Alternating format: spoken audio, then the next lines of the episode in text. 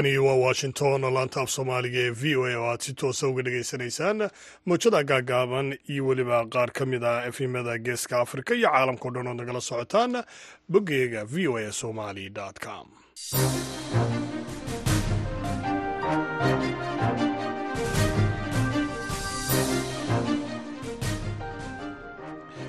fiidwacna wanaagsan dhammaantiinba dhegaystayaal meel kastoo aad joogtaanba waa sabti taariikhduna ay tahay saddexda bisha februari ee sannadka laba kun iyo afariyo labaatan idaacadda caawa iyo dunidana dhegaystayaal waxaa halkan idinkala socodsiin doona aniga oo ah cabdixakiin maxamuud shirwac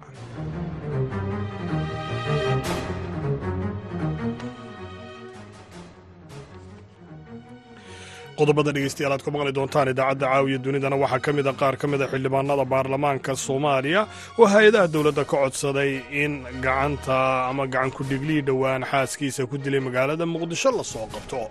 Waa qof dumara mar labaad waa qof xaamilo ah oo carruur maaragtay uur lahayd. Haddana waxaa ka sii daran in ilmaheeda horteeda iyagoo arkaaya maaragtay lagu gubay. Marka faldabyeedka noocaasa qofkii sameeyey. Ilaa hadda inaan la soo qaban oo aan maxkamad maaragtay hay'adaha amnigu ay soo qaban runtii waxay barmadow ku noqonaysaa cid walba oo shaqadaas ay qusayso.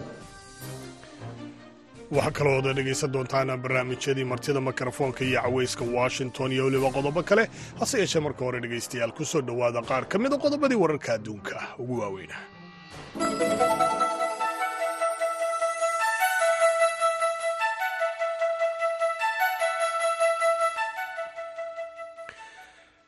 maraykanka ayaa jimcihii bariga dhexe ka fuliyey duqayna dhinaca cirka ah uu kaga aargudanayo. Weerar loo adeegsaday diyaaradahan duuliyaha lahayn ee loo yaqaano oo axaddii lala beegsaday saldhig ay ciidamada maraykanku ku leeyihiin dalka jordan. Taliska dhexe ciidamada maraykanka ayaa sheegay in duqayntan oo ay ka fuliyeen dalalka ciraaq iyo suuriya ay ka dhan ahayd ciidamada ilaalada kacaanka iiraan iyo weliba kooxaha maleeshiyaadka ah xidhiidhka la leh militariga maraykanka ayaa beegsaday shan iyo siddeetan bartilmaameed iyaga oo adeegsaday gantaallo kala duwan. Oo ay ku jiraan kuwa riddada dhexe oo laga soo ganay maraykanka sarreeye guud douglas sims oo ka tirsan ciidamada maraykanka islamarkaana ah kusimaha taliyaha guud ayaa sheegay inay beegsadeen wixii xaqiiqatan ay doonayeen isagoo intaasina sii raaciyey in weerarku uu socday in ka badan soddon daqiiqo iyadoo saddex ka mid a meelaha la beegsadayna ay ku yaaleen dalka ciraaq halka afar kalena ay ka mid ahaayeen amaba ay ku yaaleen dalka suuriya. Madaxweynaha maraykanka jo biden ayaa isaguna sheegay in weeraradani ay ku dhaceen amarkiisa ciidamada cirka ee dalka ukrain ayaa iyaguna maanta sheegay in ay soo rideen afar iyo toban diyaaradahan duuliyaha lahayn ee droniska loo yaqaano oo ruushku leeyahay kuwaasoo lala beegsaday gobollada bartamaha iyo weliba koonfurta dalkaasi. Diyaaradahan aan duuliyaha lahayn ee magacooda la yidhahdo shaahid ayaa lala beegsanayay tasiilaadka tamarta soo saara ee gobolka dimberneski sida ay sheegeen mas'uuliyiinta ciidamada cirka ee dalkaasi ukrain magaalada ay inta badan weeraradu saameeyeen ayaa ah kirkiv oo ah magaalada uu ka soo jeedo madaxweynaha dalka ukrain valadimir zelenski waxaa dhimasho iyo weliba dhaawaca ayaan halkaasi laga soo sheegin hase yeeshee wakaaladda wararka ee a f b ayaa iyadu dhinaceeda ku warantay in shan iyo toban kun oo qof ay bilaa koronto ama bilaa leydh yihiin ugu dambayntiina duqayna dhimasho keentay ayaa lagu soo warramayaa inay subaxnimadii hore sabtidan maanta ka dhacday magaalada rafaax ee xuduudda la leh qasa taasi oo loogu magac daray moofo oo sida oo kalena xilli kooxaha caalamku ee dhexdhexaadinta wada. Ay sameeyeen tallaabo cusub oo ay ku adkaynayaan rabitaanka heshiis xabajoojina oo dhex mara israa'il iyo weliba xamaas boqolaal kun oo qof oo falastiiniyiin ah oo barakacay ayaa u cararay koonfurta rafaax tan iyo markii uu dagaalku halkaasi ka bilaabmay magaaladaasi oo markii hore ay ku noolaayeen laba boqol oo kun oo qof ayaa haatan martigelinaysa kala badha labadii milyan ee qof ee ku noolaa qasa sida uu jimcihii sheegay wakiil ka tirsan hay'adda w h o hay'adda bini aadamnimada u qaabilsan qaramada midoobey ee u n ocha ayaa iyaduna sheegtay inay aada uga werwarsan tahay korarhka khilaafka ee meelaha u dhow khanyonis kuwaasi oo dad aad u badan ay ku cadaadiyey in ay u cararaan dhinaca koonfureed maalmihii la soo dhaafay weriye ka tirsan wakaaladda wararka e f b oo ku sugan magaalada ayaa sheegay inuu maqlay qaraxyo xoogan waxyar kadib saqbarhkii sabtidan maanta wasaaradda caafimaadkai xamaas ay maamusha ayaa iyaduna dhinaceeda sheegtay in afar iyo toban qof ay ku dhinteen laba duqaymood oo halkaasi ka dhacay. Dhegeystayaal qodobadii wararka adduunka ugu waaweynah waa naga intaasi haatanna u diyaar garooba qaybaha kale idaacadda caawa iyo dunida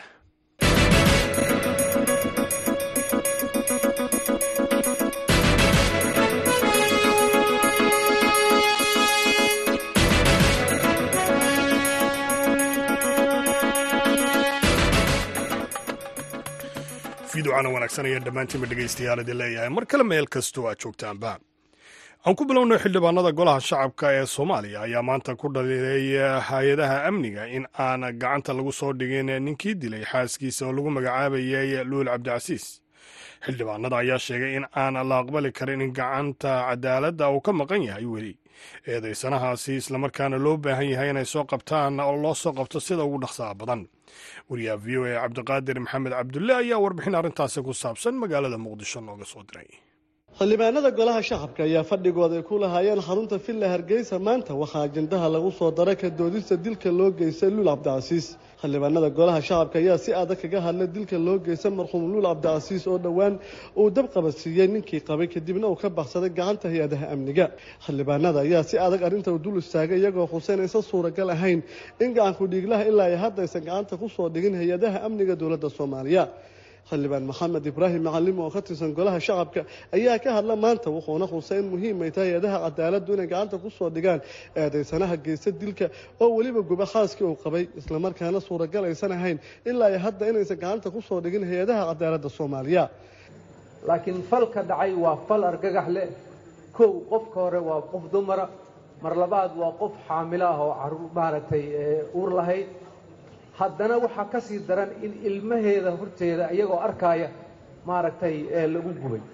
Marka faldambiyeedka noocaasa qofkii sameeyey ilaa hadda inaan la soo qaban oo aan maxkamad maaragtay hay'adaha amnigu ay soo qaban runtii waxay barmadow ku noqonaysaa cid walba oo shaqadaas ay khusayso annaga baarlamaanaan nahay dood noogama furna hay'adaha dowladda ee amniga ka shaqeeya shaqo ku leh. Ayaga waxaan rabnaa guddigeenna cadaaladda iyo dadka ka shaqeeya baarlamaanka ee shaqadaa leh inay dabagal ku sameeyaan oo la ogaado meel walba oo xaaladda ay marayso iyo sidaa maaragtay dambiilahaas gacanta loogu soo dhigi lahaa. Waxaa jira siyaabooyin badan oo loo soo qaban karo. Hay'adaha amnigu waxay leeyihiin tasiilaad badan ama telefoon ha ku raadiyaan ama telefoonka qofka gaargaraynaya ha ku raadiyaan. Waxyaabo badan oo waxay leeyihiin ay ku soo qaban karaan. Runtii marka maanta ma asmacayso qof naga maqlaayo ama qof maaragtay naga aqbalaya ma jiro. Annagoo muqdisho joogna ayaa qof lala yahay oo qof dambiile inta dembi intaa noocaas geystay sidoo kale ehelada iyo cid kasta oo qaraabo la ah waxaa la rabaa qof iyagoo diinta u danaynaya inay qofkaas dembiilaha ay bannaanka keenaan xildhibaan baksan oo ka mid ah xildhibaanada golaha shacabka ayaa iyana dul istaagta siday muhiim u tahay inaan la aqbali karin dhibka loo geystay marxuum luul cabdicasiis oo ugu dambeyn u geeriyoota dhaawac ka soo gaaray dab uu qabasiiyey saygii qabay oo la sheegay hadda inuusan ku jirin gacanta hay'adaha cadaaladda. Arrintii argagaxa lahayd ee shalay dhacday ee mucjisada ahayd in aan ka hadlo. Runtii anigoo ka dumar ahaan u hadlaaya annagooba sidii kale dhibaato ku qabna cadaadisyadana loo geysanayo baa maantana waxaa nagu soo kordhay in gabadh oo curadkiis u sida ninkay u siday ay u dhashay uu nolosha ku gubay iyadoo agoon hore korinaysay bal ka waran ilmaha hadda ka hor aad korinaysay agoon aad ku korinaysay caawana rajay ah. Markii la gubaayana carruurtoodu ay arkaayeen. Ninkii uu ku qoslaya gubitaanka uu gubay. Runtii waxaan soo jeedin lahaa hay'adaha amniga iyo wasaaradda cadaaladaba in afar saacadeeda soo socda ay ka jawaabaan dhacdada foosha xun ee dhacday. Dhacdo kalena xalay tolo waa ka dambeysay oo iyaduna ahayd ninbaa wuxuu gowracaysan gabadhiisa. Xildhibaanada ayaa siyaabo kala duwan kaga hadlay marxuumadda geeriyootay qaabka ula dhaqmay ninkii qabay oo dab qabasiiya kadibna ka baxsada goobta. Hay'adaha amniga dowladda soomaaliya ayaa toddobaadka ku ololinayay inay ku daba joogaan sidii loo soo qaban lahaa eedaysanaha baxsadka ah oo ka maqan gacanta cadaaladda soomaaliya booliska soomaaliyana maanta waxay baahiyeen sawirkiisa iyagoo sheegay muhiim inay tahay in gacanta lagu soo dhigo eedaysanaha oo ilaa hadda ka maqan gacanta cadaaladda si loo waafajiyo cadaaladda cabdulqaadir okey v o a muqdisho. Dhinaca kalena xildhibaan maxamuud axmed maxamed baafo oo ah xildhibaanka qoyska ka soo jeeda gabadha la gubay ayaa isaguna v o eda la soo xidhiidhay. Waryahayaga cabdiqaadir maxamed mursal samakaab ayaana uu arrintaasi uga warramay inaa lilahi wa inaa ila raajicuun waxaan ka tacsiyinayaa gabadhayda luul aabaheeda cabdilcasiis sheekh caruuraheeda ka tagtay waalidiintii asxaabtii walaalihii iyo dhammaan ummaddii soomaaliyeed ee ka danqatay dhacdadaas foosha xun ee dhacday. Ay ka wada danqadeen dhammaan waxaan leeyahay walaashanada gabadhanada allah u naxariisto qabrigeeda allah u waasiciyo intii lagu sheegay qof bini aadan hadduu geeriyoodo oo uu ku janno tegayana way leedahay gabar xaamilo ah la gubay dhibtaa ku dhacday toddoba casho gubnayd rafaadsanayd sakaraadaysay ilaahay jannada caza wajal ha ka waraabiyo jannadaas ha ugu waraabiyo. Wal runtii dhacdadaanita markay dhacday ilaa ay hadeertaan reerkii waatan aniga dalku waa ka maqanahay. Maantaba golahaad iga arki lahayd ama haddii kale magaalada haddaan joognay inagoo dee xaaladeeda si aad aga warrameen ama waxaan xaaladeeda u soo gudbiyey oo ka warramayeyna madaxdii dalka dhammaan waa wada gaarsiinay. Madaxweyne hadday noqoto ra'isul wasaare hadday noqoto guddoomiyaha gobolka banaadir guddoomiyaha ururka haweenka guddoomiyaha arrimaha bulshada. Waa intii ay sida dhabta ay u qusaysay dhacdadaas markay dhacday gobolka banaadir ee ka dhacday ee cadaaladda ugu falka ugu baahneed ee wada gaarsiinay. Iyagana waa dadaalna ay kuleeyihiin qolooyinka amniga intaasiito laakiin middan waa ka dubneed arrin aada u fool xun oo dadkii baryihii bulshada iyo ummaddii dhan ay wada qabsateed waxay focus gaar inay saaraan sida ugu deg dhaqsiyaha badan wax ka qabtaan. Reerka la soo booqdo la tago la arko wax laga qabto. Dadkii waxaad moodaa inay u bisilnaadeen ay raadinayeen cadaalad marka xalay qoryooley waxa ka dhaca waa arkaysa wax fiican ma aheen waxaa ka sii horreysay wiil yaroo la kufsadaa ka sii horreysay waxbaa soo noqnoqday. Markii saanoo kale wax u soo noqnoqdaan waxaa la rabaa focus gaara in la saaro khaasatan hooyada iyo dhallaanka oo dhibaato soo food saartay xooggan ay noqotay. In markaa loo soo wada jiirto la yidhahdo war arrimahan waa soo noqnoqdeen kow laba saddex maxaa ka yeelna qaababkii looga hortegay hadday dhacaan. Qofka lagu tuhumayo inuu falkan geystay ee gabadha lagu dilay maxaa keenay marka inuu magaaladii ka baxsado oo aan la qabanin ilaa iyo hadda. Haddi wallaahi qofka saygeedu ahaa la yiri aniga dee sidaan ku maqlahay saygeedu ahaa dhacdo laga filayna ma aysan ahayn. Qof kastoo bini aadanna markuu faldambiyeed argagaxle u geysto qof taagnaanaya ma ah oo qof raadinaya meeluu ku dhumaalaysta iyo meeluu ku baxsada raadinaya waa. Sababtuu ku baxsaday oo hadda lagu bixiyeyna annaga ciddii bixisay ma garan karaa ani ka maqanahay dalka. Arrimankaasaan u maqanahay. Inta aan maqlayn haddii kulle uun ninkii weli lama hayon baa la leeyahay adiga ehelka gabadha geeriyootay ayaad ka mid tahay miya. Haa gabadha ehelkan ka mid ah adeerkeedii baan nahay xildhibaankeedii baan nahay xildhibaan soomaaliyeedna waan nahay. Ma garas. Ugu dambeyntii marka hadda adiga ka xildhibaan ahaan maxaad ku baaqaysaa oo arrinkan la xidhiidha waxaan ku baaqaynaa sida saaxiibadeeda iigu horreeyay ku baaqeen reerkan ay codsanayaan dhaqan islaamna dhaqan bini aadnana ah qofkii dembiga geystay in reerkaasiita cadaaladda ay helaan dhammaantanada cadaalad la wada helo cadaaladda la hor keeno wagaag dhegeystayaal kaasina wuxuu ahaa xildhibaan maxamed maxamuud anmaa idhahda maxamuud axmed maxamed baafo u warrameeyey waryahayaga cabdiqaadir maxamed mursal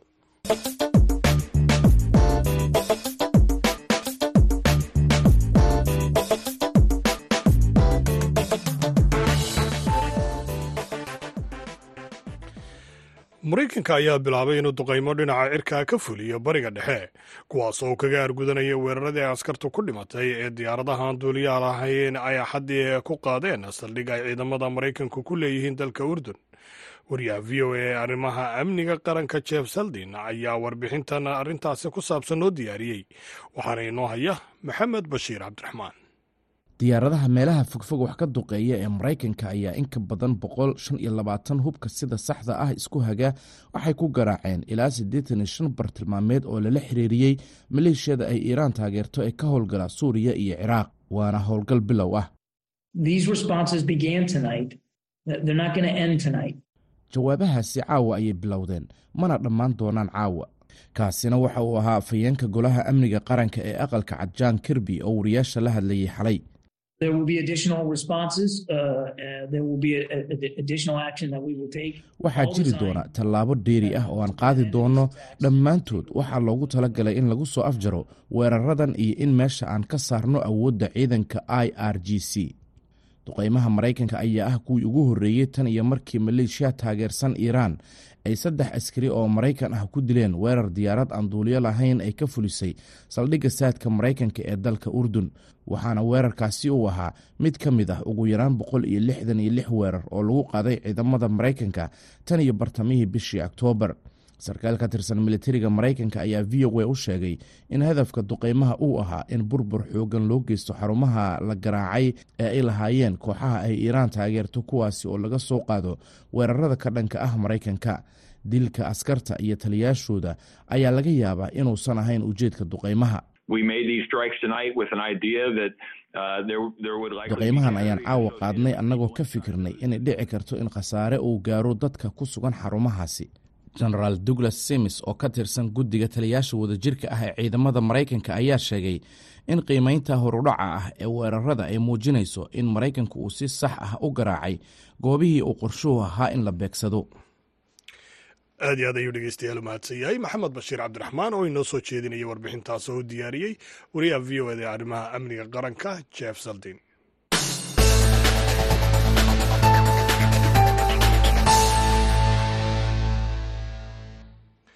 haatanna ku soo dhowaada barnaamijkii martida mikrofoonka oo inoo hayo cabdixaafid cawiil ismaaciil.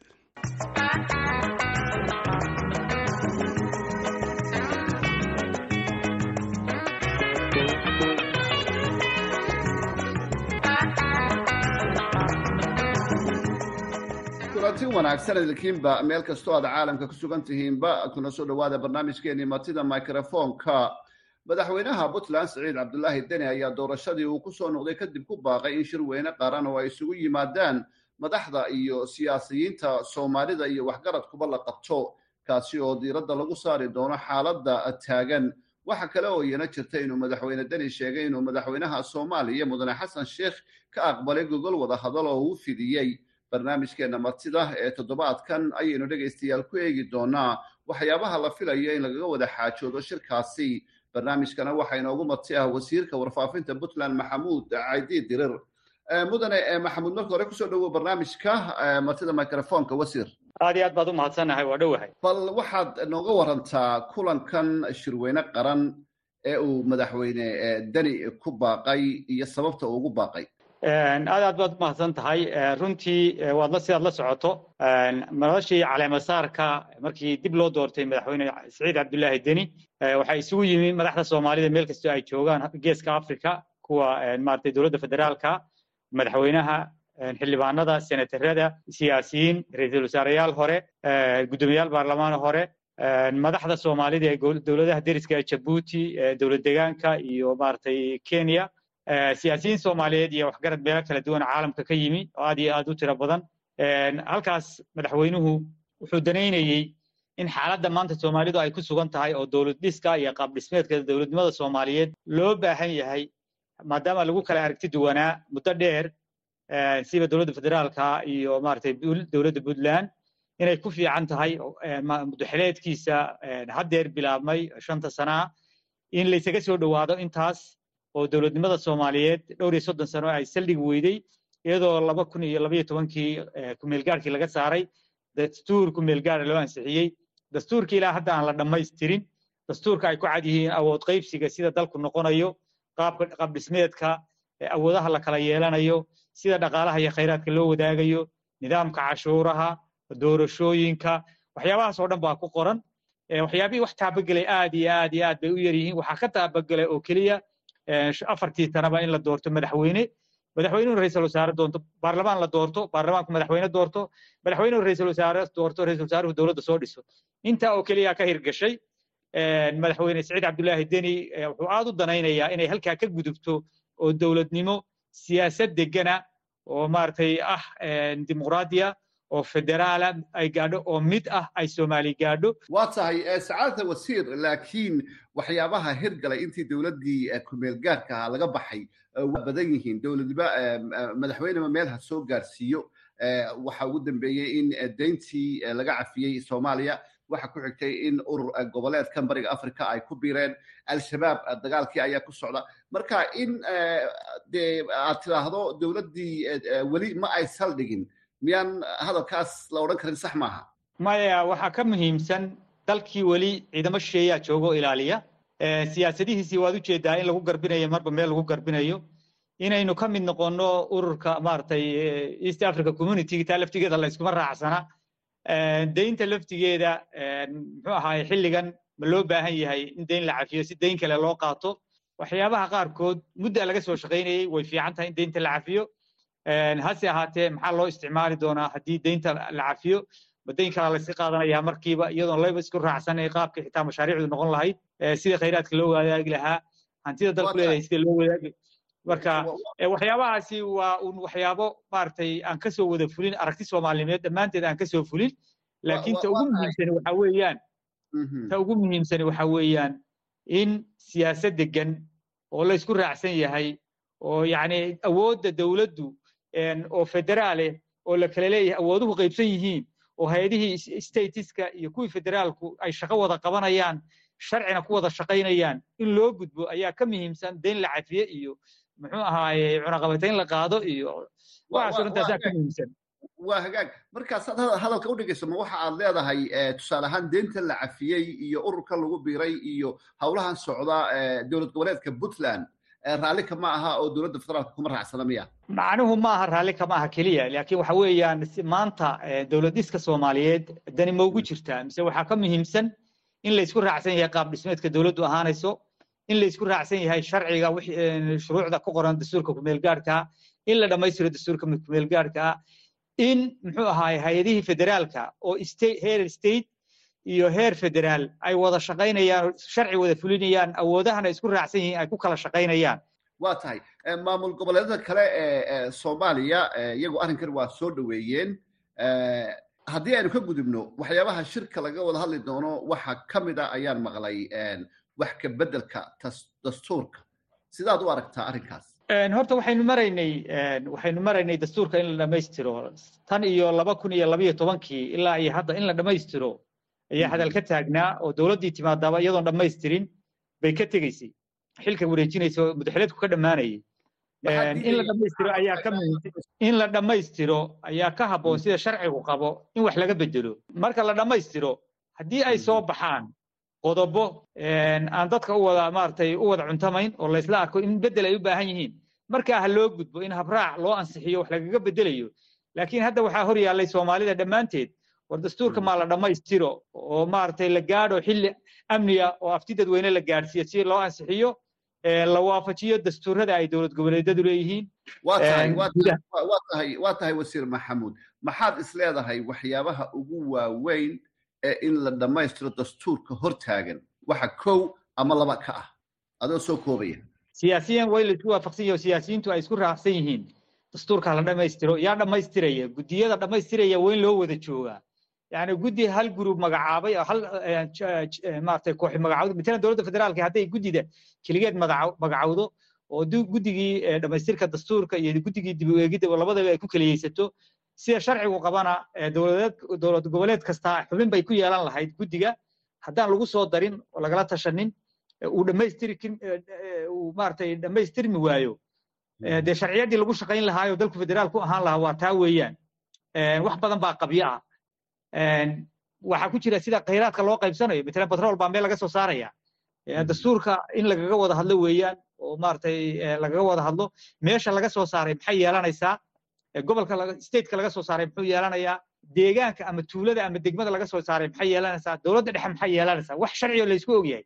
Waxaa ka a midaynta cashuuraha ka mid a dakhliga dalka oo dhan soo gelaya sidee baa loo qaadayaa? Sidee baa loo kala yeelanayaa hay'adaha federaalka maaragtay iyo kuwa statesku xagee bay fadhiisanayaan yacni qiimaha cashuuraha in la mideeyo yacni dakhliga in la mideeyo waxaynu gaadhnay in baarlamaan la doorto baarlamaanku madaxweyne doorto madaxweyne ra'iisul wasaare doorto oo golo wasiire soo dhiso.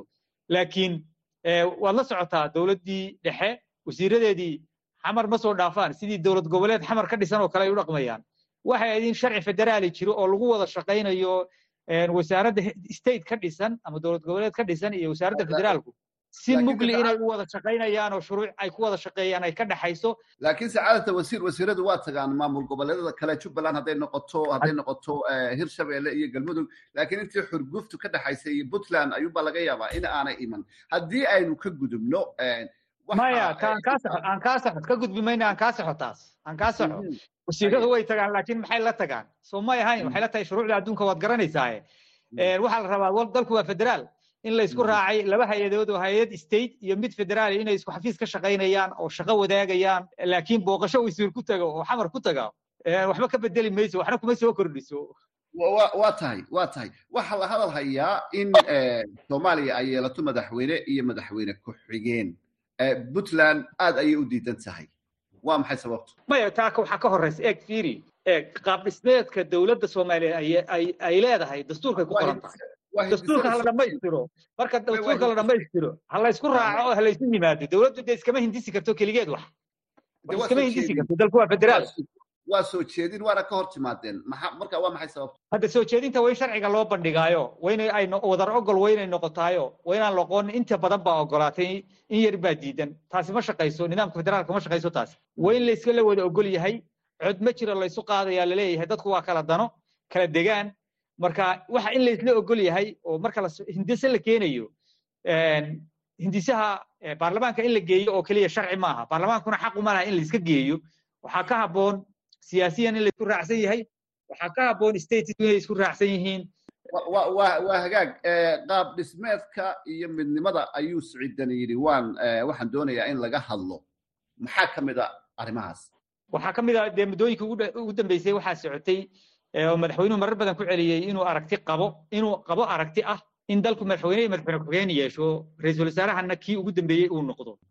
Waxaa ka mid a inuu yidhi inuu wadahadal kula jiray somaliland oo haddeer inta isaaqu dega oo keliya ku soo koobantay oo s c gaar u go'day oo ay somaliland awal ku doodaysay inay ka mid tahay. Oo wax ka mid ahaanshiya la yidhahda aanu jirin awdal haddeer ay maaragtay dhinaceeda iyana u buskuxinayso marka qaab dhismeedka iyo midnimada labaduba yani waa waxyaabaha u baahan in laga wada hadlo oo muxuu ahaayey si dalku u noqdo dowlad macnale oo siyaasaddeeda laysku raacsan yahay oo kartideeda dowladnimo laysku raacsan yahay aan magacyo lahayn waa inay timaadaa.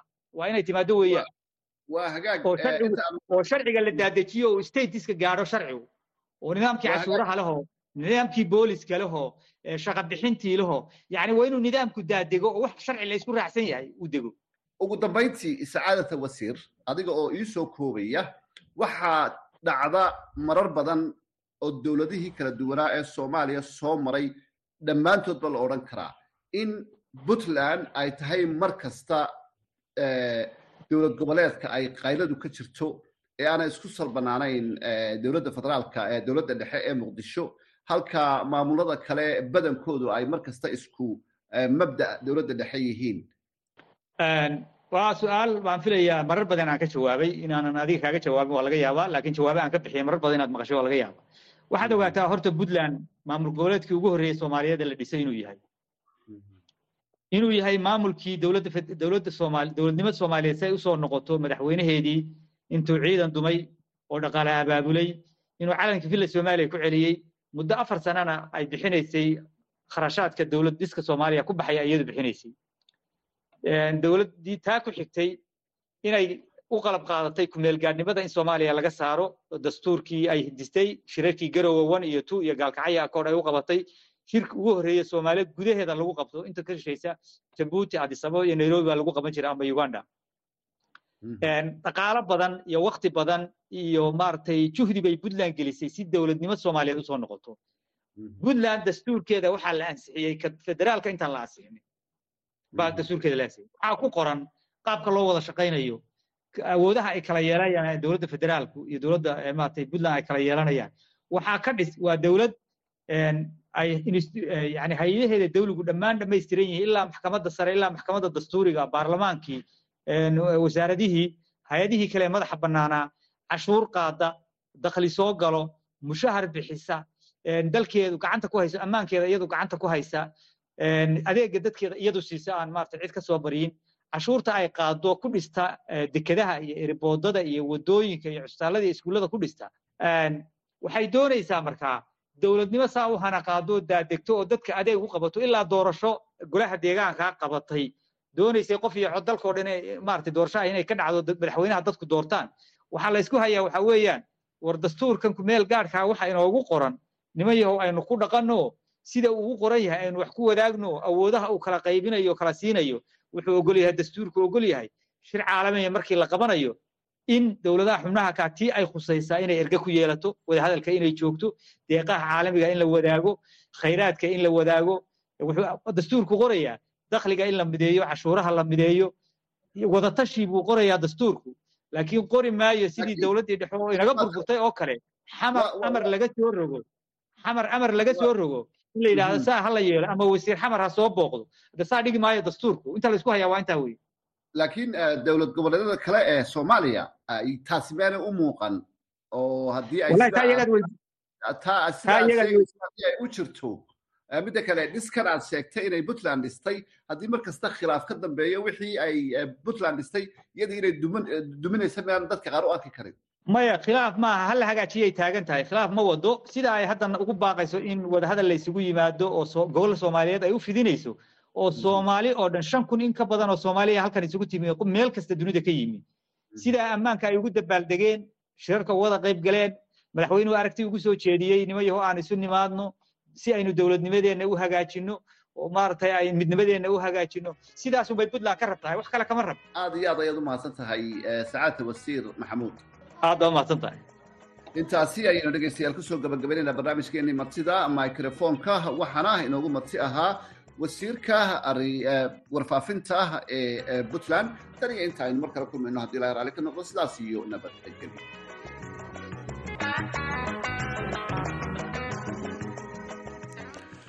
cabdixaafid cawil ismaaciil ayaana dhegaystayaal barnaamijkaasi martida mikrofoonka inoo soo diyaariyey islamarkaana inala socodsiinayey halka weli aad nagala socotaana waa idaacadda caawiya dunida ee laantaaf soomaaliga v o a oo idinka soo gaaraysa washington. Haatanna ku soo dhowaada barnaamijkii caweyska washington oo aynoo hayso caasha ibraahim aadam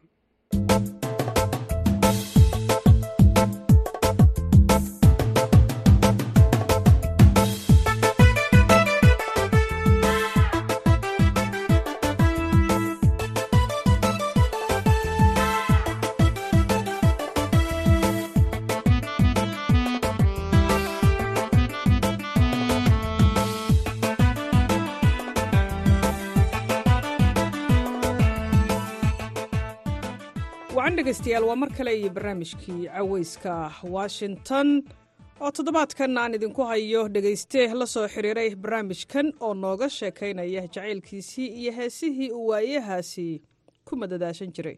Waxaan kaloo idiin hayaa fanaanka muxudiin lamadaarasho oo isna caaw marti igu ah barnaamijka caweyska washington oo nooga sheekaynaya heesihiisa u badan jacaylka dhabta ah ee isaga soo maray anadhan manay makantay manay. Gundura manako jeeda maalin iyo hami waa iyo caweyska washington.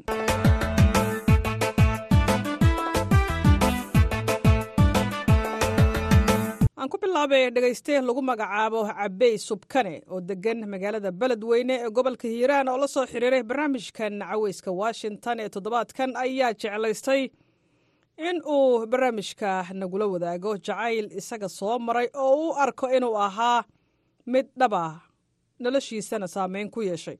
Isagoo sidoo kalena noo qaadi doona qaar ka mid a heesihii uu waayahaasi jeclaa ee uu arkayey inay ka tarjumayeen jacaylkiisa.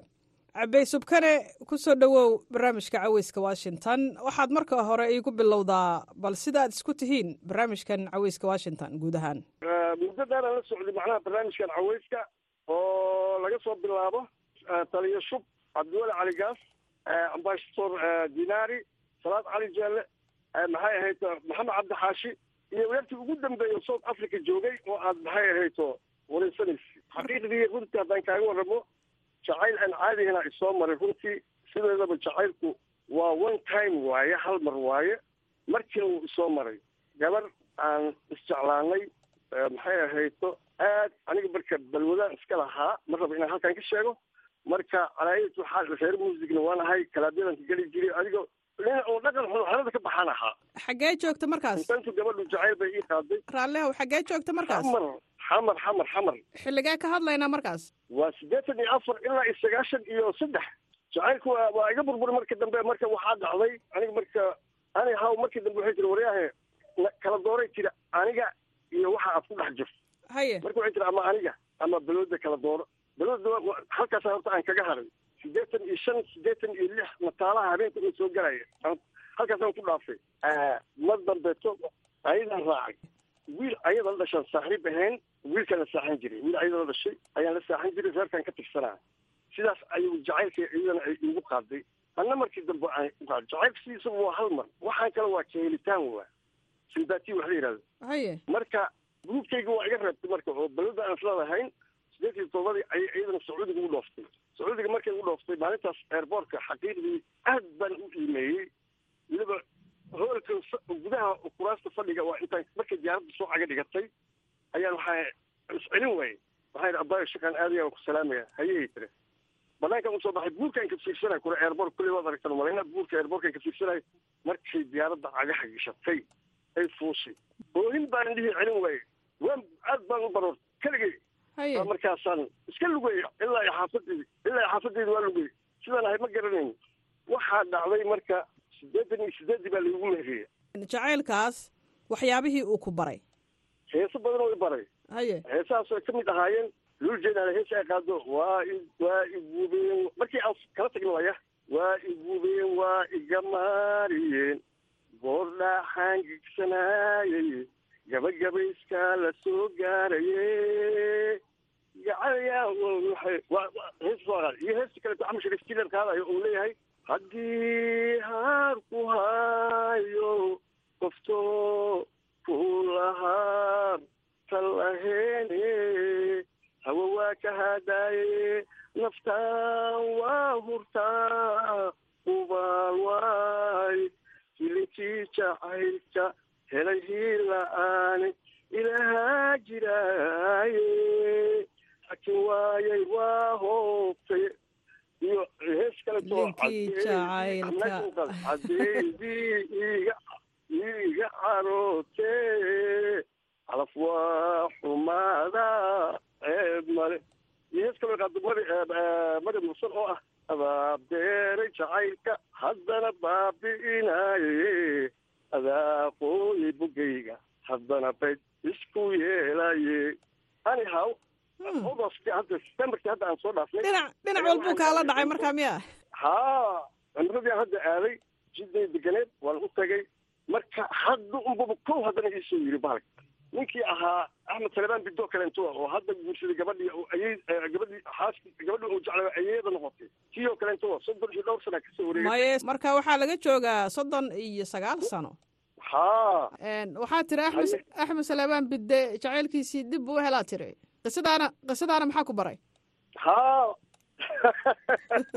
Waa la socdaa waa la socday waa la socday sheekada idaacadaha iyo youtubyadan ka ka dhegaysanayay oo hiba xataa v o eda wari aada wareysanayseen oo odageeda xanuunsan laakiin sheekada laftirkeeda way tataabatay oo markii ugu horreysay ay ahayd oo fanka ay soo gasho oo heesta leexo adiga isuyo isuloogay cadawge oo lidintaadi siiye waa adiga saliite leexadu ku sidatee hadballan cuskanaya heestii ahayd liibaanteeda duunyada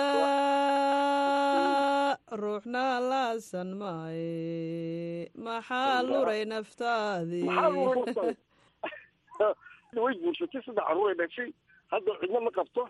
Marka hadda unbuba bahalka kow ii yiribu dhankuu sheegi maayo. Waagaas aan kala furayo ayaan waxaan ku yidhi hadda ilaa iyo sagaashan sano ay ka gaarto waan sugaya markhaati bay leeda waan loo sheegay ayada. Sagaashan sano ilaa ay ka gaarto waxaa jidcaddo soddon ahaan ku sugaan dhahay jidcaddo soddon ah oo weyn oo mugdi ahayn aan ku sugaa ilaa godka aan ka galo bedel xayaa ama aan dhinta ma iyadii dhimata jacaylkaas naga tir maayo caashooy bal hal heesa ugu dambaysa oo jacaylkaas ka tarjumaya wallaahi kule aniga heesahaas banaadirigi iyo waxaasaan isku fiicneen oo calaacalka ah. Balse heesaha kaba jecel waxaase aan samatari heesiisa aad baan ugu helaa. Waana u qaaday ayada irtuba gobolaan la jaranaye ogow lama garaacaan dadkuna waa sidaas oo kaleenta haysta.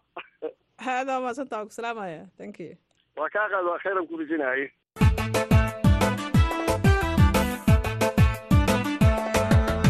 qaybtan kale ee barnaamijka caweyska washington ee toddobaadkanna waxaa marti igu ah fanaanka muxudiin lamadaarasho oo caawa nooga sheekaynaya heesaha uu qaado ee intooda badan ku saabsan jacayl isaga soo maray oo midho dhalay. Si kale haddii loo tilmaamona ah jacayl laga dhaxlay ubad badan oo hana qaaday. Muxudiin ku soo dhowow barnaamijka caweyska washington marka hore. Caashi waa dhowhay walaashay aad i aadan kaaga mahadcelina adiyo idaacadda v o eeda dhammaantiin iyada amaadsinto boqolkiiba iyo afartan fiika salaameed waayahay annagana waa ku salaamaynaa muxudiin. Soo dhowow mar kale barnaamijka caweyska washington iyo v o eda bay ku soo dhoweynaysaa waxaan rabaa toos inaan u abbaarno fankaaga iyo heesaha adigoo marka ugu horreysa horta igu bilaabaya goorta ay kugu dhalatay in aad heesahan inta badan ama dhammaan aan dhaho afka mayga u badan inaad qaado goortay kugu dhalatay. Wallaahi cashay waba iyada amahadsanta waa dhalinyaroonimo iyo jaceyl jaceyl io bilaaw yaa heesaa yaa yaa ii dhalatay. Waa mar hore waraysi loo qaadi bab sheegay jacayl adiga kugu dhacaya heesahan ku soo dhexgeliya inaad heese qaado kugu dhaliyay aa igu dhaliyay sida heesaha laba daarashada heese badan oo ani aan qaado. Haye marka taasaa ii dhaliyday fanka inaan kabiiro maaragta iska tacloojiyo kabanisti ahaa. Marka saas dartii heesagaasan qaaday ma yani nafku galnalay fanka. Waayahay marka marka marka marka jacayl dartiisaad tiri ayaa fankan macnaha igu riixa inaan fanaan noqdo. Marka markaas kabankaad garaaci jirta miya mise kabanka iyo inaad heese qaadidba hal maraad gashay oo jacaylaad dalaq ku siiyey? Maya kabanista mar markii marka hore kabanistii nagadi marka kabanistaas ana tumaayo heesaas waa waa xilligii way haytay haddii weeradow de dinsar markii kooyay weeradow de heesaan cuntumaayo haytay weeradow de istiraada iyo hakaba balaansha iyo oo soo fasax qaadeen cunto tumaayo baa haytay marka adi badanaaba heesada jaceylkasta yaa yaa yaa ii kalafay inaan maaragna waayahay fanka ana kabiiri fanka kabiiri marka ana kalahaylen hobolada waa beri iyo hoboladaasi ina wada shaqeeyeen. Waa nin oo ganaanshay reego isku haayo ilaa adees. Marka marka marka marna kooxihii dalka ka jiray kama mid noqonin adiga sidaadaba. Waa hadda mar dhow hadda hadda kooxda oncod oo hadda mar dhow aan ku biiro maahina kooxooyinka kama mid ahayn. Waayahay goormaa fanka soo bilowday? Fanka waxaan soo bilaabay adiga muhiimadeeda sideetamayadii waayahay waxaan rabaa inaad si kooban adoon ku fogaanaynin. Aad wax iga taabatid jacaylka kugu riixay inaad fanaan noqotid ood heese qaadid. Wallahi caasha jaceylka iyadii waa gabar aan guursaday oo ilaahayna maaragtay aan isguursado oo ilaahayna oo ilmo sideed caruurana aan ka dhalay oo markii dambena alxamdulilah waa waa dhimatay heesaha. Marka gabadhaasaa igu kalaftay inaan heeso badan aan u qaado marka waa dhimatay. Alxamdulilah ilmihii hadda waa joogaan qaar waa wada guursadeen. Marka qisadayda waa waraysi horaan oo aan bixiyey waaye. Mar labaadna inaan ku noqdo waa dantaa igu kalafeysay mar marba haddaad ka hadal ahay tiri. Waxaan rabaa si kooban inaad noogu taabatid gabadhaas. Allaha u naxariistee sideedda carruurta ah aada isu dhasheen. Jacaylkeedin dhex maray si kooban may waa jeclaaday gabadhii fargayada aheyd waa jeclaaday marka waa ayadana heesaha u qaaday magaceedana waa alxamdulilah niiney ay dhahaan laakiin marka aan heesahay niiney yani toos uma dhihi karin waa daruurtaa diidaysi marka maano aan dhahay magaca la qarinayo aheyd heesaha maanada iyo badi aan qaado maana ya magacaadi ma waynin laakiin maanan ku dhahaa magacaadi markaan dhahaye waa magaciyaan qarinayo magaceeda toos niiney waayo aheyd waa dhimatay allah u naxariista heese badan oo aan ayaga ka sameeyo waay badana badana badanaaba heesaha ayagan ka sameeyo marka marka magaca maana waxaad u qaadanaysay si aad magaceeda u qarisid aad ugu soo halqabsanaysay maana waa yahay heese badan heese badan oo maana ay ku jirta inaan maqlaan umaleynaa maanay maanay mid la yidhaahdaa jirta oo aada cajiib u ah oo duca inay ku jirta aan umaleynayo haddii aad qadar naga maqashiisana oo aad baan kulley aniga dhegeystayaasha aan u jeclaan lahay horta adoo raali yani ani hadda gurigeedan kaala soo hadlayo magaalada ma degeniye magaalada bayl korkeedaan deganahay. Marka kabana diyaar ima laakiin afkaan ka qaada may kabanka rabto kabanka muhiim maaha isagana waktigiisaan sugaynaa laakiin hadda iyadoo bilaa kabana ha maanay maanay ana dhan maanay makantay maanay gundura mana koo jeeda maalin iyo hamiin dadka iyo meel midow fadhe meel mugteena ka magan ilaahayaa ku kale maana ma koo fogaa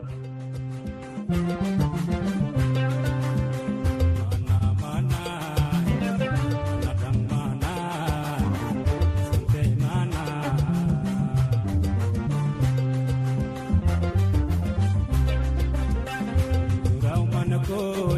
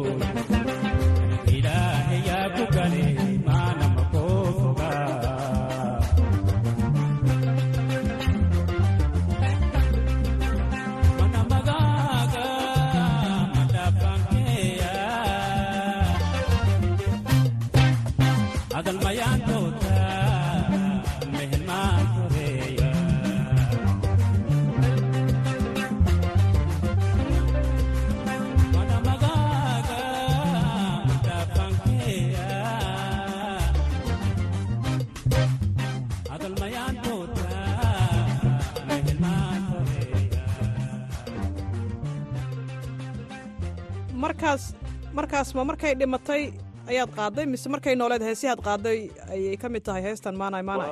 Waa markii ay waa markii ay nooleed ahayd markii ay nooleed ahayd marka markay dhimatana hees oo oo yacni qatan oo aan qaada jirto oo dafuufiilay nagado ilka lay dalagaro nimayti dartiya duyinkiisu waayo hees la dhahay oo dalladay lahaw deegaana diinsooraan dhahayo jirto marka taas waayo oo sagootin ahayd waayahay intaan tan sagootinta la gaarin middan maanay maanay.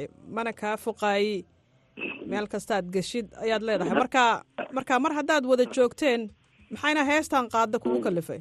Hadda markaan qaadayo heestan makoo fogaa mana koo hiraa mana koo erdaaladaa heestan waxay ahayd intaana guursanay ahayd oo jaceylka raacdada aan ku jira ahayd marka waxay suuro gelisay kadibna waxaa dhacday in laguu dhega nuglaaday oo sideed carruur aad isu dhashaan maasha allah maasha allah maasha allah hees oo la yidhaha jecelow idhaaf dasaan soo maray oo isla heesta jecelow idhaaf hees la dhahayo badi lama daaro sidaa kindiidana heeso badanaa soo maray alxamdulilah markii dambena waa waa waa waa ku guuleystay. Jacayl yow idhaaf markaad lahayd macnaha mana kaa fuqaaye mana ka mana kaa haraayo markaa lahayd taasaa kuu shaqayn weyda markaasaad jacaylkii la hadashay miya? Ood leedahay iska kaydaa haa marba haddaadan ii keenayn ayada oo agteeda aadan soo istaajinayna jacaylow idhaaf jeelyow idhaaf jeelyow idhaaf idhaaf jeelyow idhaaf hoola dhagaayay wadaada dhammaayay awal oo la noogay moo dheeradaaso ayndhumadaase jeelyawidhaaf buufadii anfaraay qisada taas ahayd maasha aasha waxaad tiri jaceyl iyo haw idhaaf gabadhii aan rabay haddaadan ii keenin ha isoo dhuumanayna inabadgeli ha yani mana iga haraysid waa waa idaba taagan tahay aniga isoo dhuumayna idhaaf yani aniga awood maliye hadda jaceyl aniga keliga ha isoo weerarina idhaaf sida meeshay ka hadlaysa jaceyl idhaaf hees la dhahay waa waya waya suman tahay waa waya qadaraan ka dhegaysanaynaa wax yar heestaas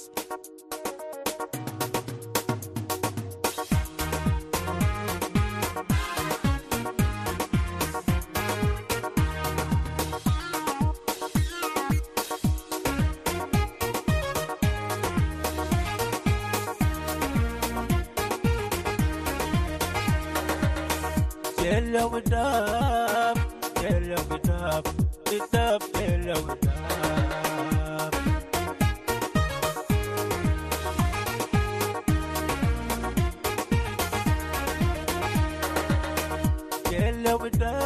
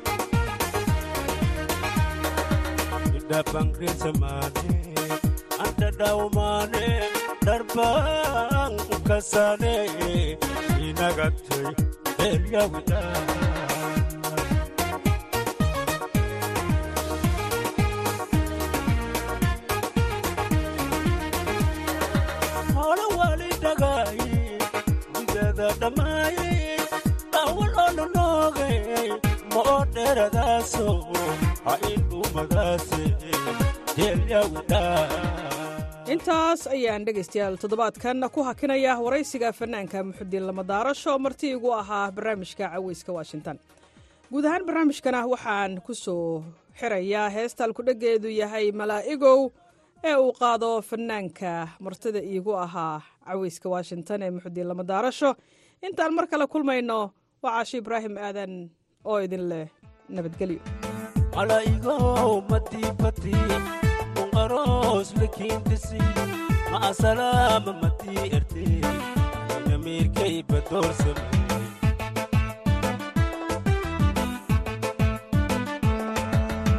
malaigo matii pati aros lakintisi ma asalaama matii erte namirkay badoorsame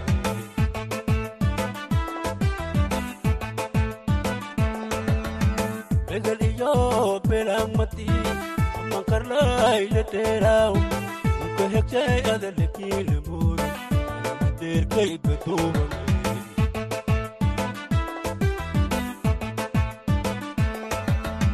Begal iyo belang mati Mangkarlay le teraw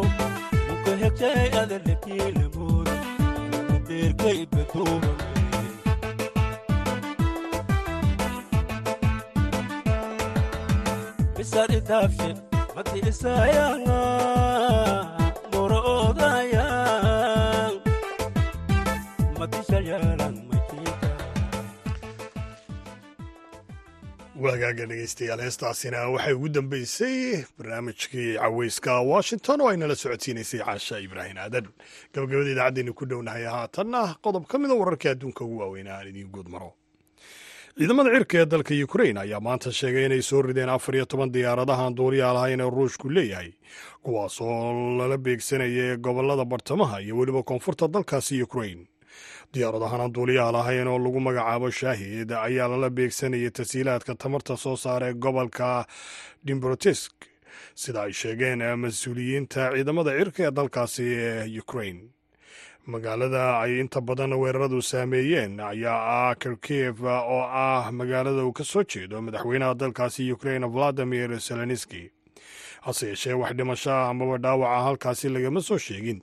Walow wakaaladda wararka ee a f b iyaduna dhinaceeda ku warantay in shan iyo toban kun oo qof oo halkaasi ku nool ay yihiin bilaa laydh amaba bilaa koronto dhegeystayaal haatan aynu mar kale dibu jalleecno dhinacii kaalmaha heesaa islamarkaana aynu ku wada nasanno.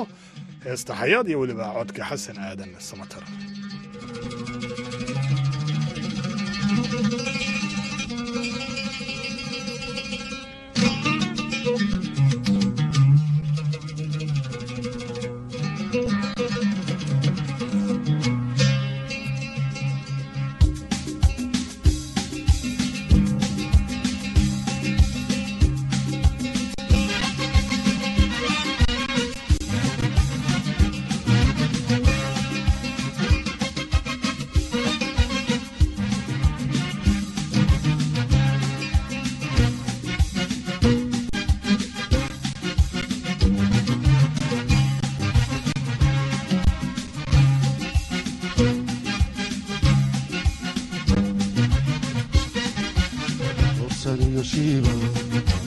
doorsaday haweenku jacaylkooda dhumiyo dhaqashada ka doortiyey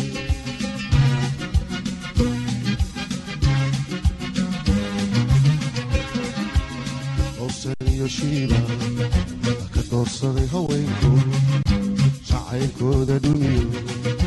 dhaqashada ka doortiyey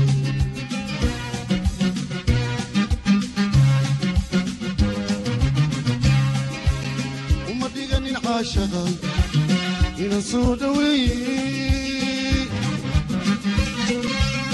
uma dhiganin caashaqa inan soo dhaweeye xayaadi hadhibaadsada adiga igu dhaliye xayaadi hadhibaadsada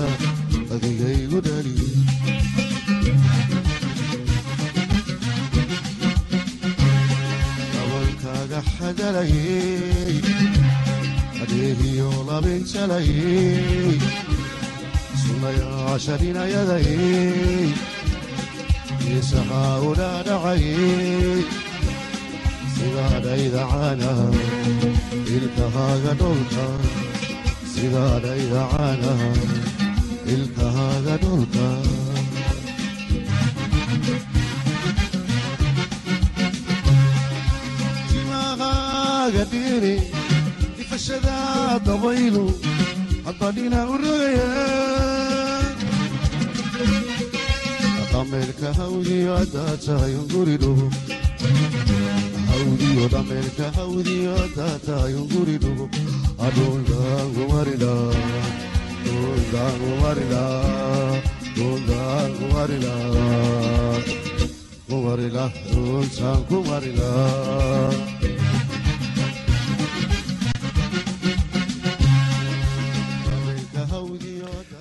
dhuldaangumarila dhuldaangumarila kumarila dhultaan kumarila dhaameelka hawdiya haddaa tahay un guri dhubuq dhuuntaan ku marin lahaa codkaasi. Xasan aadan samatar iyo weliba heestaasi xayaad ayaana dhegaystayaal ugu dambaysay idaacadda caawiya dunida. Tan iyo kulanti dambe waxaan idin leeyahay dhammaantiinba sidaa iyo nabadgelyo